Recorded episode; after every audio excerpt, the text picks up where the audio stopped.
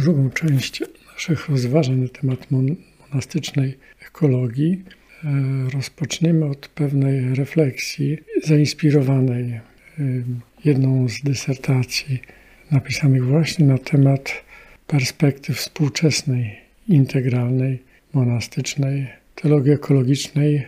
Autor mm, rozważa tematy ekologiczne w szerokim kontekście tego, co się dzieje dzisiaj w ekologii i nadaje tym rozważanym znamienny tytuł, tytuł Conversatiomorum monastyczna mądrość y, w erze antropo, w antropocenie, w erze antropocenu. I jest to tyle ważne, że mm, nie jest prawdą, iż w ekologii nic się nie dzieje. Owszem, staje się ona wręcz polem takiej niemalże ideologicznej walki i to, co może do nas dociera, pewne postulaty, pewne dane statystyczne, to tylko mały wycinek tego, co mm, w pewnym sensie tworzy głęboką i bardzo intrygującą, może nawet dwuznaczną, niebezpieczną warstwę ideologiczną tego ekologicznego sporu. I właśnie w tym kluczu e, morum, czyli nawrócenia, warto popatrzeć na, na temat stosunku człowieka do natury i zobaczyć, jak e, tradycja monastyczna w pewnym sensie może odpowiedzieć, czy może zaproponować pewną odpowiedź. Pierwszym takim obrazem to jest e, biblijne odniesienie z jednej strony do rajskiego ogrodu, a z drugiej strony do pustyni. To są dwa doświadczenia przyrody, natury, które zna tradycja monastyczna. I one w pewnym sensie dzisiaj też są obecne w refleksji mm, ekologicznej. Rajski ogród, czyli uczynienie z miejsca naszego zamieszkania na ziemi czegoś, co jest źródłem radości, owocności, właśnie jakimś też doświadczeniem niemal już y, niebiańskim, rajskim.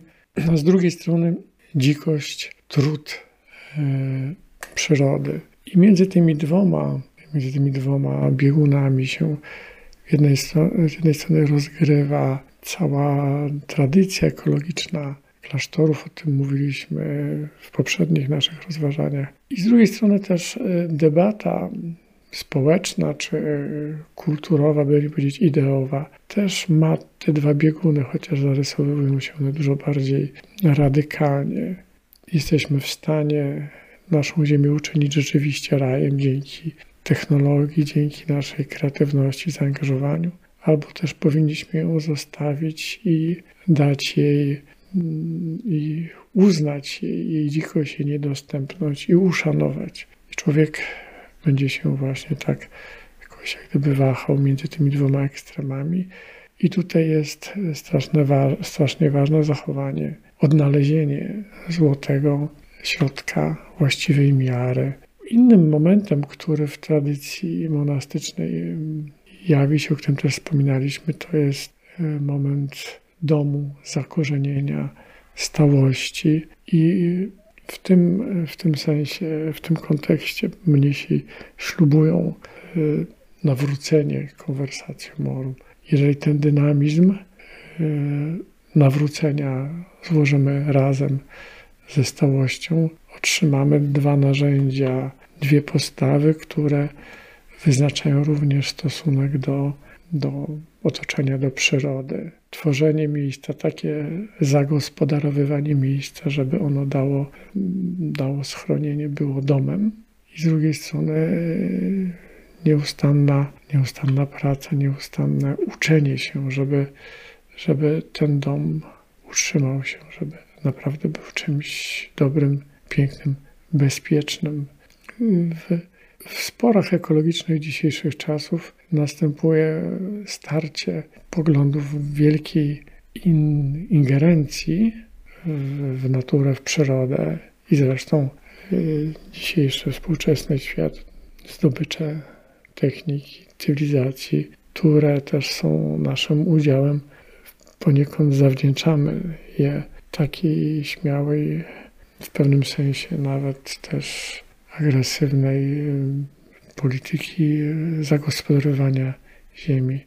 Z drugiej strony zrażenie się czy mm, zawód konsekwencjami takiej gospodarki sprawia, że, że niektórzy ra radykalni ekologowie wręcz chcą zaniechać, odrzucić technologię i to zagospodarowywanie, zagospodarowywanie natury i wrócić do pierwotnego stanu jakiejś właśnie podstawowej dzikości, żeby, e, żeby zachować równowagę i, i ocalić to, co z przodu zostało, bo trzeba, trzeba stwierdzić, że faktycznie ta ludzka gospodarka przynosi wiele negatywnych skutków, z których może sobie człowiek nie do końca zdawał sprawę, a teraz, jeżeli tę sprawę sobie zaczyna zdawać, to wydaje się już być za późno. I tak cały czas się wahamy między z jednej strony wielkim entuzjazmem, a,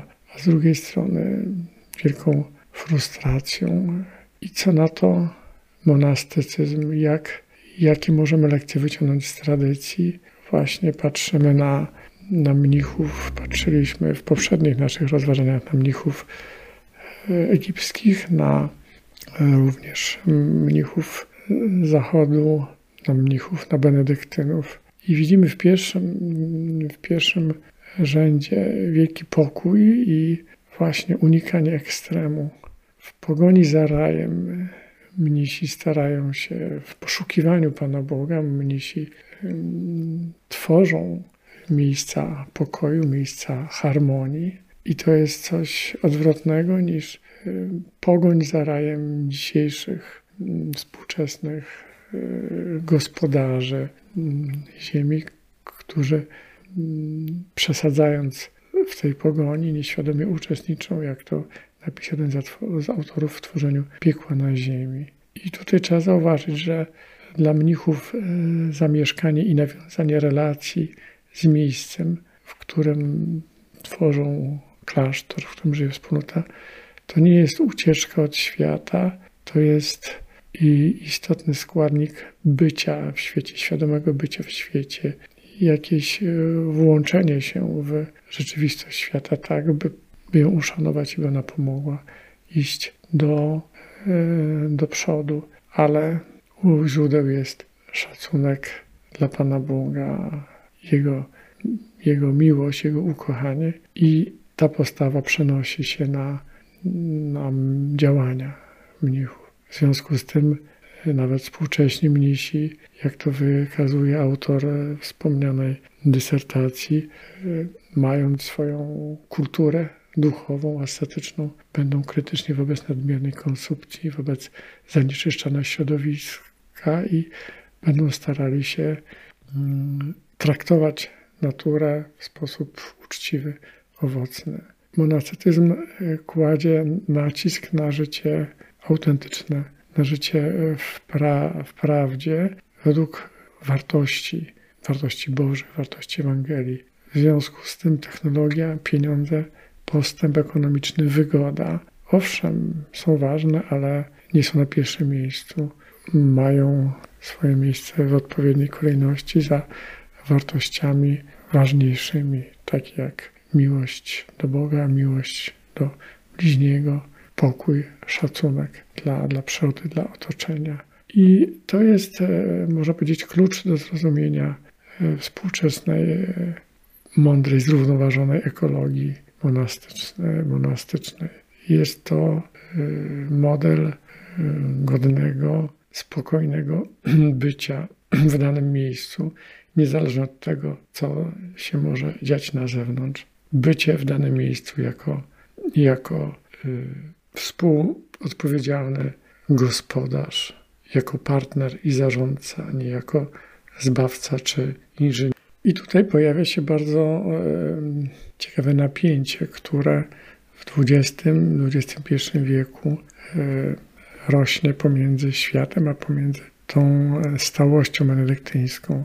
W dzisiejszej dobie e, nie ma kultury przywiązania do miejsca. Wszystko jest, jest ruchome. Ludzie się bardzo łatwo przemieszczają i trudno im się zakorzenić. Wręcz zakorzenianie się jest ryzykowne. Wobec tego oczywiście stałość jest pewnym, pewnym staje się pewnym problemem. I to jest też to napięcie wyjaśnia problemy ekologiczne. Jeżeli nie ma stałości, jeżeli wciąż jesteśmy w ruchu i wszystko postrzegamy w kategoriach właśnie zysku, wygody, sprawności czy praktyczności naszych działań, i jasne jest, że stosunek do miejsc staje się bardzo, bardzo powierzchowny i w związku z tym yy, nie dbamy o dane miejsce, nie jesteśmy w stanie zaangażować się, zrozumieć. E, bardzo ciekawe, e, ciekawie ujmuje jeden z socjologów. E, nazywa to podejście mnichów do, do, do miejsca monogamicznym. Zresztą przez ślub, śluby mnisze jest w tym trochę prawdy. Mnich się wiąże z daną wspólnotą i poprzez klasztor z danym miejscem. Natomiast, jak zauważa ten sam socjolog, w dzisiejszym świecie można mówić o nomadycznej poliamorii, czyli o nieustannym zmienianiu tych, tych e, naszych zainteresowań, naszych za, zakorzeń. I niesie to konsekwencje natury, natury także ekologicznej, ekonomicznej, by nie powiedzieć duchowej. I w tym, w tym kontekście klasztor może się rodzić jako pewne sanktuarium dla świata, jako mm, pewien głos sprzeciwu, jako pewna, można powiedzieć, nawet pewien ideał, który dzisiaj przestaje już fun funkcjonować. Bo przecież zakorzenienie w danym miejscu to jest nie tylko świadomość i głębokie zaangażowanie w otoczenie, ale również e, jest to gościnność, jest to wrażliwość na, na, na to, co wykracza poza świat, na, na, na głębię właśnie, na, e, na ducha objawiającego się w pięknie, w pięknie miejsce. Zakorzenienie kosztuje, zakorzenienie wymaga wysiłku, cierpliwości, ale też jest owocne, jest w pewnym sensie dziełem i warunkiem miłości. Miłość domaga się stałości. I w związku z tym e, tak jest trudno dzisiaj w świecie zachować e, więzi, ponieważ to kosztuje. I w tym sensie właśnie ślub stałości mnichów jest jakimś wyzwaniem, jakimś, może powiedzieć, też wyrzutem sumienia dla, dla, dla świata. Ich związek, ich zaślubiny z miejscem, w którym szukają Boga, jest takim, takim świadectwem. Zaangażowanie zaślubin wymaga też pracy, czujności, poświęcenia, zwłaszcza w momentach, kiedy następuje jakiś kryzys. To zakorzenienie wymaga wierności. I tak też bywa, że, że w czasie jakiegoś, jakiejś klęski żywiołowej, tak jak to było podczas zimy lat 2016, 2017, 2017 w, w RM-ie New Camaldoli rekordowe ilości deszczu powodują lawiny błotne i blokują RM, blokują dojazd do klasztoru. Można by powiedzieć, przenieśmy się, zmieńmy, czy gdzieś zorganizujmy się inaczej, a jednak jest to doświadczenie integrujące wspólnotę, także pokazujące, jak bardzo ta wspólnota cieszy się zewnętrznym wsparciem i ostatecznie mm, wyjście z tego kryzysu, naprawa wszystkich strat czyni, czyni klasztor silniejszym.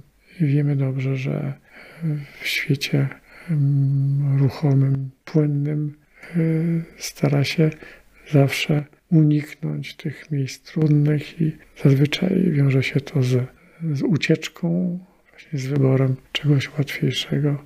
Każda trudność wiążąca się z kosztami jest raczej odrzucana. Możemy więc tu mówić o pewnego rodzaju doświadczeniu sakramentalnym, o ontologii sakramentalnej miejsca, która, która to ontologia wnosi w doświadczenie miejsca, element sakrum, o tym też wspominaliśmy w poprzednich rozważaniach. I, i ekologia integralna, o której pisze papież Franciszek e, w encyklice Laudato Si, byłaby jakimś owocem tego e, wyczucia czy doświadczania sakrum w świecie, w naturze, a w życiu mniejszym jest to więź między celebracją liturgiczną, Eucharystią, a, a właśnie życiem codziennym. Można tu mówić również o ponownym zachwycie czy zaczarowaniu świata jako świętego, jako Bożej, jako miejsca Bożej obecności. Tłumaczy się dzisiejszy kryzys ekologiczny, także kryzys sekularyzacji, utratą tej zdolności zachwytu, czyli e, swego rodzaju odczarowaniem świata poprzez rozwój technologii, większych możliwości mm, ludzkości. Świat przestał być tajemniczy, staje się obszarem zdobyczy bardziej niż zachwytu, współpracy, szacunku. I w tym sensie doświadczenie, tradycja monastyczna pozwala uchronić ten, ten wymiar sakralny świata, który jest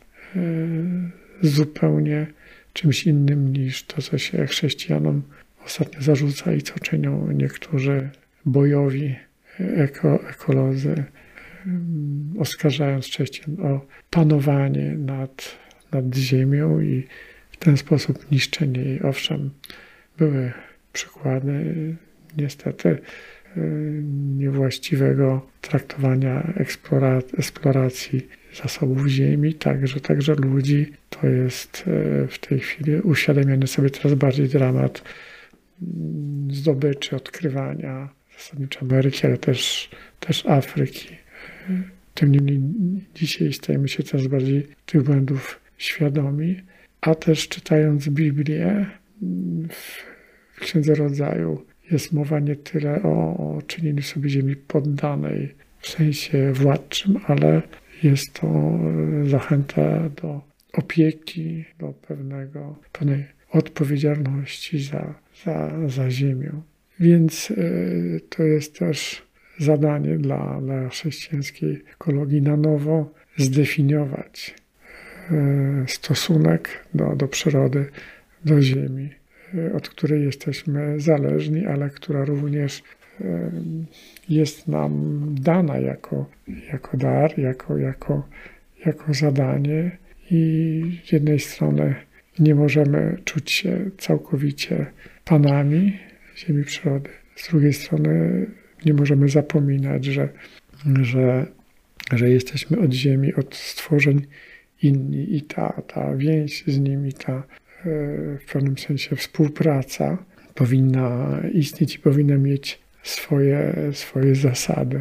Więc można powiedzieć, że antropocentryzm, który we współczesnych czasach jest odpowiedzialny za tą katastrofę ekologiczną, nie jest kontynuacją chrześcijaństwa jako takiego i świadectwo tradycji monastycznej jest poparciem tej tezy, ale jest to rodzaj, rodzaj zepsucia, jakiejś deformacji myśli biblijnej, myśli chrześcijańskiej, kiedy to mm, świat został w pewnym momencie mm, staje się, zaczyna być traktowany jako nieograniczone zasoby i zapomina się o, o jego własnościach, o równowadze, o tym, że ma być naszą drogą do poznania i do e, chwalenia Boga.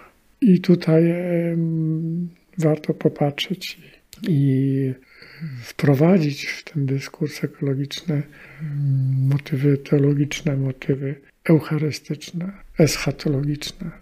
Eucharystia jako znak. Są to motywy, które no, owszem używają symbolów, symboli i ontologia sakramentalna pozwala nam spojrzeć na, na, na świat, na Ziemię właśnie w kluczu znaków symboli wykorzystujących przyrodę natury po to, żeby podnieść naszą myśl do, do Boga, który jest źródłem życia. I taka teologia, czy teologia sakramentalna, e, bardzo w swojej naturze ekologiczna, e, powinna stanąć do dialogu z ideowym tylko dyskursem ekologicznym, zdecydowanie doceniając stworzenie jako dobre, jako wewnętrznie dobre i postrzegając Ziemię jako, jako dar od Boga, ale nie jako bóstwo, jako przestrzeń spotkania z Bogiem i przestrzeń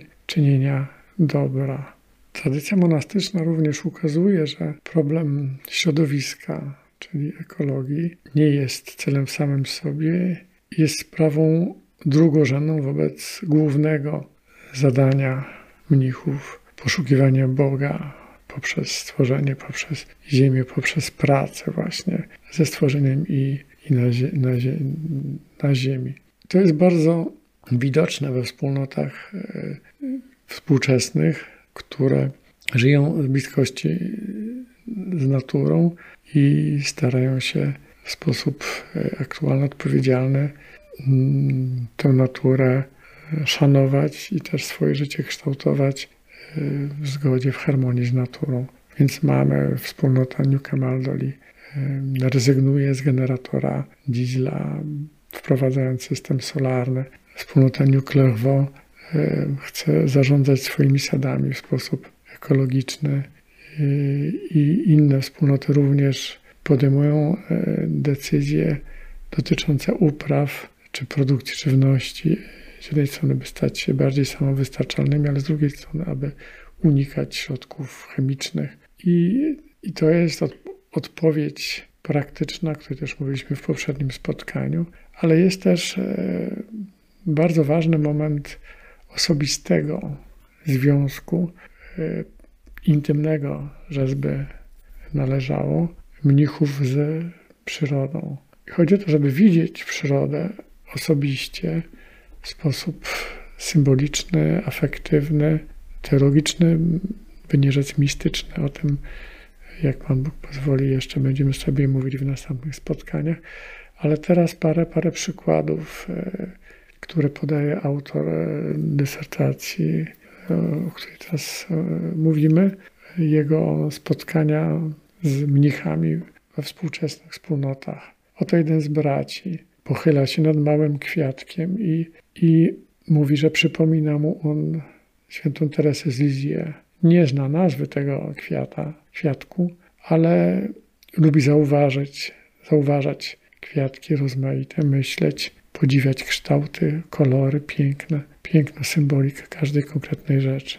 Inny z braci e, też w ten sposób patrzy na, na, na ziemię, na, na roślinę, e, potrafi godzinami kontemplować drobne kwiaty, e, drzewa. To samo dotyczyć można ptaków, obecności, śpiewu.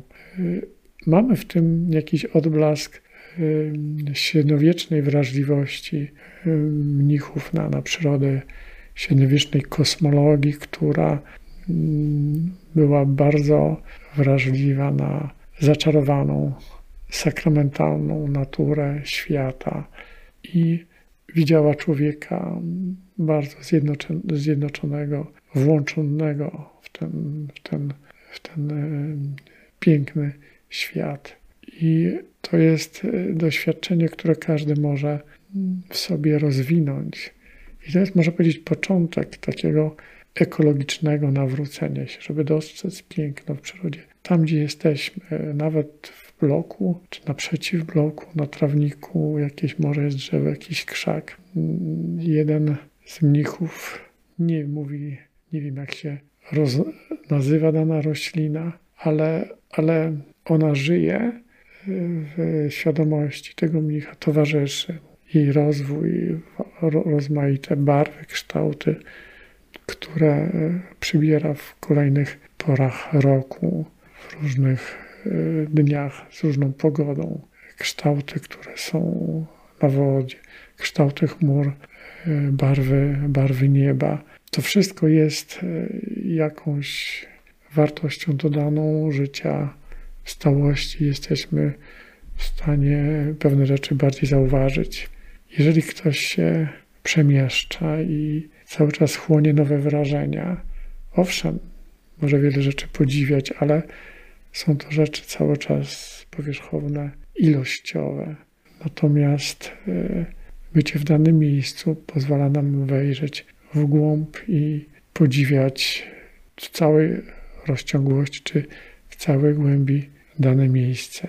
I w ten sposób też mm, widzi się rzeczywistość, łatwiej ją zobaczyć w kluczu symbolicznym, a jak wiemy w teologii, w, e, liturgicznej celebracji, symbol jest to sposób, e, przestrzeń zaangażowania się człowieka.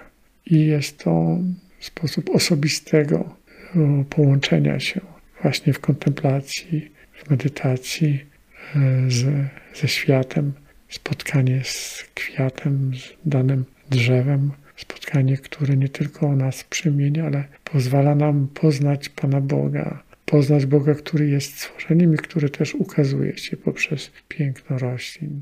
Jeden z mnichów, e, nie znając dobrze typów roślin, nadawał im swoje e, nazwy. To jest dom Freda, a to jest e, kasztan Józefa. Dany zakątek w ogrodzie kojarzył się z jakimiś przeżyciami. Takie to wszystko wydawać by się mogło ulotne, ale jednak tworzy przestrzeń, klimat codziennej, codziennego bycia z Panem Bogiem i bycia w harmonii ze sobą, ze środowiskiem. Stworzenie jest zakorzenione w teologii sakramentalnej i mm, trzeba to, to odkryć. Tradycja chrześcijańska jest pełna takich miejsc, takiej wrażliwości na symbolicznej, na, na przyrodę. Wprowadzone są motywy roślinne, zwierzęce, nie tylko do Biblii, ale, ale również w dekoracjach, w sztuce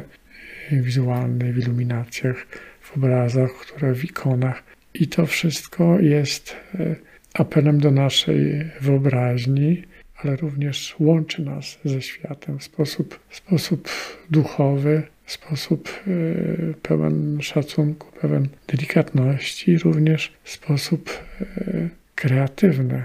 I zwróćmy uwagę, że takie podejście dzisiaj w świecie jest mm, niemalże nieobecne. Wszystko jest mierzone korzyścią, ewentualną, ewentualnym potencjałem wyzyskania. Myślenie symboliczne jest skierowaniem naszej uwagi wyżej. Oczywiście też roślina, czy, czy, czy zwierzę, czy, czy, czy krajobraz nie są same celem samym sobie, ale stają się drogą. Ich piękno, ich, ich wartość wnosi nas, e, wnosi nas wzwyż. I to jest też doświadczenie wcielenia, które pomogło człowiekowi zakorzenić się w, e, w świecie, w przyrodzie, poprzez postać Pana Jezusa, który nie tylko wędrował poprzez krajobrazy, palestyńskie, ale wprowadził do Ewangelii wiele obrazów właśnie z przyrody. I, I, ta jego wrażliwość e, może być dzisiaj też bardzo, bardzo pomocna. Świat jest nie tylko symbolem piękna Boga, czy sakramentalnym zasobem do wy, wykorzystania, ale jest również zadaniem, jest również głosem, przesłaniem, nasłuchiwanie świata, ciszy, śpiewu ptaków, czy również obserwowanie jest zawsze wielkim laboratorium wrażliwości i duchowości. I to ciekawe, że niektórzy, niektórzy autorzy, filozofowie zgłębiający zadanie ekologii właśnie dochodzą do takiej kontemplacyjnej um, świadomości przyrody. Jedna z filozof, Jane Bennett, tytułuje swoją książkę Wibrująca materia, mówiąc, że e, świat, materiał, z którego jest zbudowana przyroda, jest cały czas e, w jakimś drganiu, jest cały czas jakimś przesłaniem. Mamy tutaj echo tego, co wielu mistyków opisywało. Święty Bonaventura, święty Jan Scott, Hekceitas, czyli istota tajemnicza, promieniująca istota, istota rzeczy. Mm, inny z kolei autor Douglas e, Christie mówi o, e, proponuje ekologię kontempla, kontemplatywną i też odwołując się do tradycji monastycznej, pokazuje autorów, którzy w ten sposób mówią o przyrodzie jej, czują i pozwalają, ułatwiają jej, jej umiłowanie, zachwyt nad nią. Podobnie patrzy się, przeżywa się krajobraz. Mówiliśmy o tym w poprzednim naszym spotkaniu. Krajobraz jako, jako miejsce, które z jednej strony może być zagospodarowane, ale miejsce też gościnności, przyjęcia, doświadczenia spotkania z Bogiem. I, i to jest y, bardzo, bardzo ważne. Każdy skrawek przyrody, każda, y, każdy element naszego otoczenia może być takim miejscem uprzywilejowanym, tak jak w Ewangelii Pan Jezus spotyka Natanaela pod drzewem figowym. Nie wiemy, co tam się wydarzyło. Każdy, każdy ma jakieś takie drzewo figowe, czy Mojżesz widzi, spotyka objawiającego się Boga Jahwe w krzewie płonącym.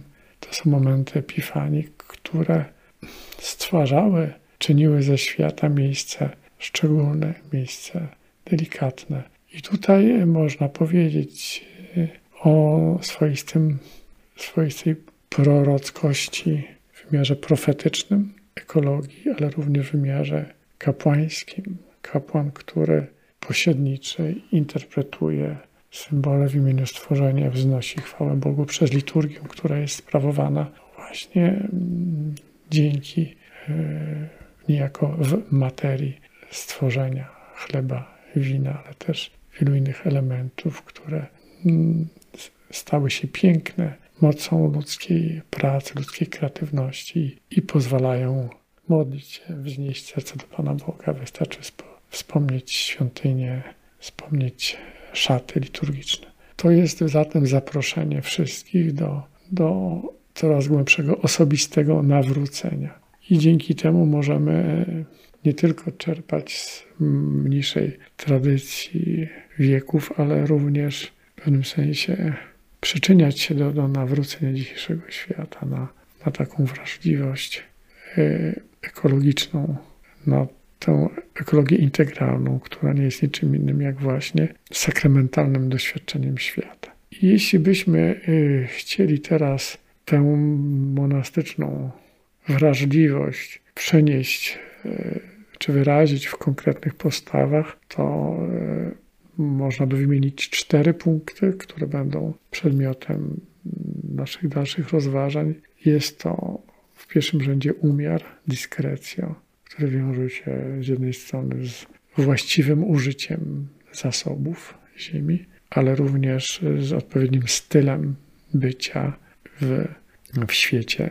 Drugim punktem byłaby, byłby zachwyt, o czym wspomnieliśmy. Zachwyt jako brama do kontemplacji i również te brama do poezji. To poetyckie widzenie świata, kontemplacyjno-poetyckie, tak bardzo ważne, chociaż na swój sposób ukryte, a jednak obecne w tradycji monastycznej też dzisiaj mogłoby się stać antidotum na myślenie czysto ekonomiczne i kapitalistyczne. Trzeci punkt tej monastycznej mm, ekologii integralnej. To byłaby sztuka interakcji ze światem, rytmy, ścieżki, mieszkanie. I wreszcie ostatni punkt integracja, czyli, czyli doświadczenie świata osobiste i doświadczenie nasze, naszej tożsamości w relacji ze światem. Integracja, która dzieje się poprzez ciało i poprzez naszą kreatywność, jest też wyrazem wyrazem wiary w wcielenie i wyznawaniem tego wcielenia. W praktyce trzeba wobec tego mm, zauważyć, jak, jak bardzo mniejsza tradycja, zwłaszcza reguła świętego Benedykta, dzisiaj właśnie z jej umiarem stają się odkryciem i inspiracją dla wielu przedsiębiorstw i różnych firm. Mówiliśmy również o tym poprzednio, ale to też należy do tej, tego stylu, do tej, tego, tej miary właściwej tradycji monastycznej, dzisiaj możliwej i wcielanej, wcielanej w życie. Jest aktywne uczestnictwo w mikro lub makro sieciach gospodarczych, społecznych y, określonego regionu. Klasztory właśnie wpisując się w te, te systemy różne pewnych zależności, nie tylko mogą pomóc ludziom, ale gwarantują pewną stabilność ekonomiczną, społeczną, także egzystencjalną. Inny wymiar tego, tej, tego monastycznego stylu to jest kultura konsumpcji, zwłaszcza związana z jedzeniem czy z używaniem rzeczy. Mnisi oczywiście są też autorami rozmaitych wynalazków gastronomicznych typu piwo, szampan, rozmaite sery, likiery, ale, ale z drugiej strony zawsze dbali o higienę i kulturę spożywania posiłków. Chodzi tu o praktykę postu, ale też właściwej miary jedzenia oszczędnego, zdrowego. I trzeba zauważyć, że też nowe trendy ekonomiczne we współczesnym środowisku, społeczeństwie, sharing economy, współpraca konsumpcyjna, wiele praktyk wspólnotowych, które polegają na dzieleniu się zasobami. To wszystko ma, ma źródło w tradycji monastycznej. Ale nie jest to możliwe, nie może to być owocne, jeżeli nie mamy mm, pierwszeństwa spraw ducha i jeżeli właśnie ekologia, pewna, pewien styl ekologiczny, zrównoważone życia nie wynika z duchowości i z wartości. One się przepladają i wza, wzajemnie się inspirują. Zajmijmy się teraz przez moment jeszcze tym bardzo aktualnym, potrzebnym dzisiaj e, terminem dyskrecjo, czyli umiaru. Jest e, to pojęcie bardzo aktualne z tej racji, że, że żyjemy w czasach radykalnych, gdzie się nieustannie przechodzi od jednego ekstremu do drugiego. Maksymalne bogactwo, maksymalne ubóstwo i również, żeby zaradzić tym ekstremom, stosuje się maksymalne środki i to jest zrozumiałe. A jednak e, na, szersz, na szerszą skalę dla, dla takich zwyczajnych ludzi nie jest możliwe działanie ekstremalne, dlatego mm, próba właściwej miary i styl czy duchowość umiarkowania może być właściwą drogą. Praktyka monastyczna dostarcza wielu przykładów, jak radzić sobie z klasycznym już dzisiaj konfliktem między, między etyką a zyskiem. E, święty Benedykt umiar wprowadza w organizacji nie tylko klasztoru, użycia dóbr materialnych, ale również w organizacji życia wspólnoty, pracy, zaangażowania i relacji ze światem. I to jest e, wszystko, można powiedzieć, e, skoncentrowane wokół, wokół liturgii i mamy tutaj mm, cały czas doświadczenie pewnej harmonii, pewnego, pewnych zaślubin, wielu wymiarów życia ludzkiego, które muszą być zharmonizowane, żeby, żeby człowiek był szczęśliwy, żył w pokoju. I to jest właśnie ta właściwa miara. Wszystko tak, jak być powinno być potrzebne. I e, w tym miejscu należałoby zdefiniować to, co też ucieka dzisiaj ludziom współczesnym i znika z kultury styl. Jest to system środków lub kodów stosowanych przy tworzeniu danego dzieła, ale również e, pewien sposób czy cechy nadające wewnętrzną spójność naszemu działaniu, ludzkiemu działaniu, czy jakiejś e, pracy artystycznej.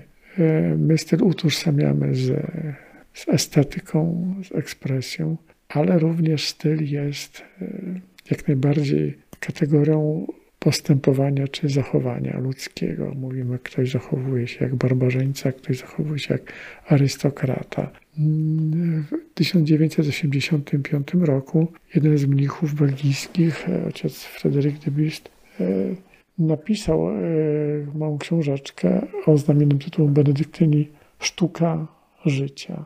I w tej książce w pewnym sensie mówi, wiąże on zagadnienie etyki, czyli tego, co dobre, z tym, co jest piękne. To było w starożytności, przynajmniej dla Sokratesa, dla Platona zwłaszcza, czymś oczywistym. Myśmy dzisiaj utracili tą, e, tą więź rzeczy pięknych, rzeczami pożytecznymi. E, I dlatego tak, tak wiele miejsc krajobrazu zostało zniszczonych, ponieważ chcemy tylko bardzo powierzchownego, jeśli nie iluzorycznego dobra poprzez szybki zarobek. W stylu e, ważne jest, ważne jest doświadczenie materii, jej twórcze ukształtowanie. Styl również wyrazie, wyraża się poprzez nasz, nasze podejście, naszą konfigurację w, w danym miejscu, styl urządzenia danego miejsca, danego domu, danego pokoju, styl architektury, styl danego kompleksu budynków klasztoru. I tutaj już zaczyna się miejsce wrażliwości ekologicznej, która rodzi się z naszego, z naszego ducha, z naszej wrażliwości. I jak to zauważa jeden z benedyktyńskich teologów, ojciec Salman, styl sytuuje się pomiędzy rytuałem a mistyką, pomiędzy intymnością a doświadczeniem wcielenia. I właśnie w rzeczywistości stylu możemy nadawać światu ten e, wymiar sakramentalny, włączać liturgię doświadczenie stworzenia i również stworzenie w celebrację liturgiczną. Dyskrecjo, umiar, właściwa, właściwa droga, właściwy środek. W ekonomii to nazwyczaj byśmy powiedzieli właśnie wstrzemięźliwość, właściwa, właściwa e, wielkość, ale to jest też zdolność przede wszystkim rozróżniania tego, co możliwe, tego, co jest potrzebne, rozróżniania też potrzeb na dany moment właściwego planowa plan planowania. I umiarkowanie jest czymś innym niż, niż ubóstwo. Jest to, można powiedzieć, e, cnota monastyczna, par monastyczna, różna od ubóstwa. Mnich nie ślubuje ubóstwa, ale e, nawrócenie obyczajów, konwersacją morum, nie jest niczym innym jak pewną e, wiernością umiarkowaniu, czyli szukania wszędzie właściwego rozwiązania. I tak na poziomie osobistym, ludzkim, jak i w różnych decyzjach wspólnotowych. W życiu monastycznym więc dyskrecjo, umiar będzie pewnym kluczem do podejmowania decyzji, do życia, do e, interakcji ze, ze światem, tych właściwych interakcji. Ten, ten umiar wyraża się chociażby w tradycyjnej, e, w tradycyjnym motto tradycji benedyktyńskiej, czy duchowości benedyktyńskiej ora et labora. Modlitwa i praca, niektórzy dają modlitwa, studium, czytanie i praca. Praca jest częścią duchowości monastycznej, ale nie jest wszystkim. Tak jak i modlitwa i kontemplacja musi, muszą być zintegrowane z pracą. To przenosi się na organizację życia w klasztorze, na poziom materialny tego życia. Musi być on taki, żeby osiągnąć punkt równowagi, a punkt równowagi wynika z pewnej jakości życia duchowego. Im bardziej mnich jest duchowo wyrobiony, tym jego potrzeby są można powiedzieć, bardziej umiarkowane, właściwsze. I, wynik ekonomiczny zawsze będzie wartością wtórną. Nie może on, nie powinien zakłócać pokoju, wspólnoty nie powinien być wrogiem dla doświadczenia duchowego. W związku z tym, e, tak naprawdę, w tradycji monastycznej, w, tym, w, tym, w tej cnocie umiarkowania. E, jest to z jednej strony cnota, mm, cnot kardynalnych, ale też możemy się jej dopatrzyć również jako jednego z darów Ducha Świętego, jak to wylicza święty, święty Paweł w liście do Galatów, umiarkowanie, opanowanie. To jest jeden z kluczów do zarządzania zasobami, zarządzania dobrami materialnymi, żeby było wszystko to, co jest potrzebne, żeby te potrzeby były właściwie kształtowane, właściwie uwzględnione, a nadmiar, tak było zawsze w tradycji monastycznej, może być przekazywany potrzebującym bardziej osobom ubogim. To jest e, na dzisiaj bardzo, bardzo aktualne, kiedy mamy nadmiar rzeczy i cała makina e, promocyjna, reklamowa chce nas z wiadomych względów zmusić do jeszcze, jeszcze innych nowych zakupów, rzeczy, które nam nie są potrzebne. Tradycja monastyczna może to zatrzymać. Jak się nauczymy z dystansem patrzeć na, na nasze potrzeby, cały czas je weryfikować.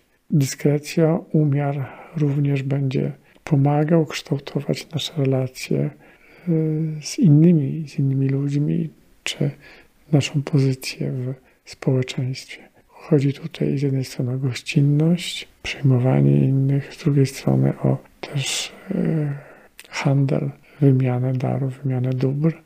Dla, dla mnichów zawsze to była oczywiście forma utrzymania się, ale nie tylko, nie za wszelką cenę. Chodzi o świadectwo dawane światu, świadectwo tych wartości, które dany produkt rodziły, zrodziły. Nie bez przyczyny święty Benedykt, kiedy mówi o sprzedaży produktów i mówi, że mają być ta sprzedaż po cenie nieco niższej niż, niż było to było w świecie, święty Benedykt wprowadza tutaj cytat z pierwszego listu świętego Piotra Apostoła, aby we wszystkim był Bóg uwielbiony. To jest bardzo, bardzo znamienne dobra wymiana dóbr, czyli ekonomia, jako źródło uwielbienia Boga. Podobnie umiar odnajdujemy w regulowaniu nieustannym napięcia między własnością osobistą czy potrzebami indywidualnymi, a możliwościami, potrzebami danej wspólnoty. I w ten sposób mnich jest, jest prawdziwym mnichem, mnichem y, kiedy zadawala się tym, co potrzebne, to jest różnica w odniesieniu do, do radykalnego ubóstwa Franciszkanów. Pani bieda świętego Franciszka. Trudno ten ideał dzisiaj w świecie dobrobytu, przynajmniej w Europie Zachodniej, promować, ale jesteśmy świadomi rzeczywiście drastycznego ubóstwa wielu, wielu milionów ludzi w drugim, w trzecim świecie.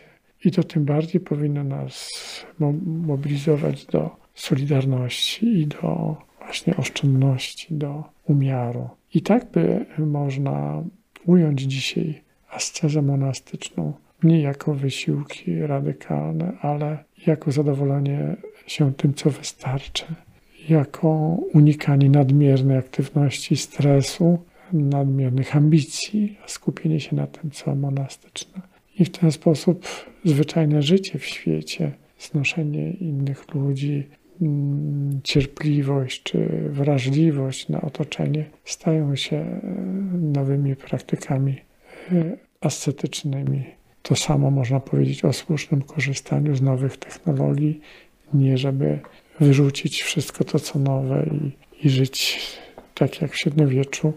Nie, nowe technologie, środki komunikacji są ważne, potrzebne, ale jeżeli są używane z umiarem. I tutaj można powiedzieć, że taka, mm, taka ekonomia umiarkowana jest e, dzisiaj bardzo, bardzo potrzebna i w tradycji, z tradycji monastycznej można ją czerpać. Jest to ekonomia pewnej, byśmy powiedzieli, trzeźwości, pewnej, pewnego zdrowego rozsądku, która może pomóc zastosowana na szerszą skalę może pomóc równemu e, rozdziałowi dóbr, może być alternatywą dla, dla ubóstwa, e, może pomóc zachować autonomię, samowystarczalność na różnych wymiarach życia, e, nie tylko w klasztorach, także w rodzinie, świadome chociażby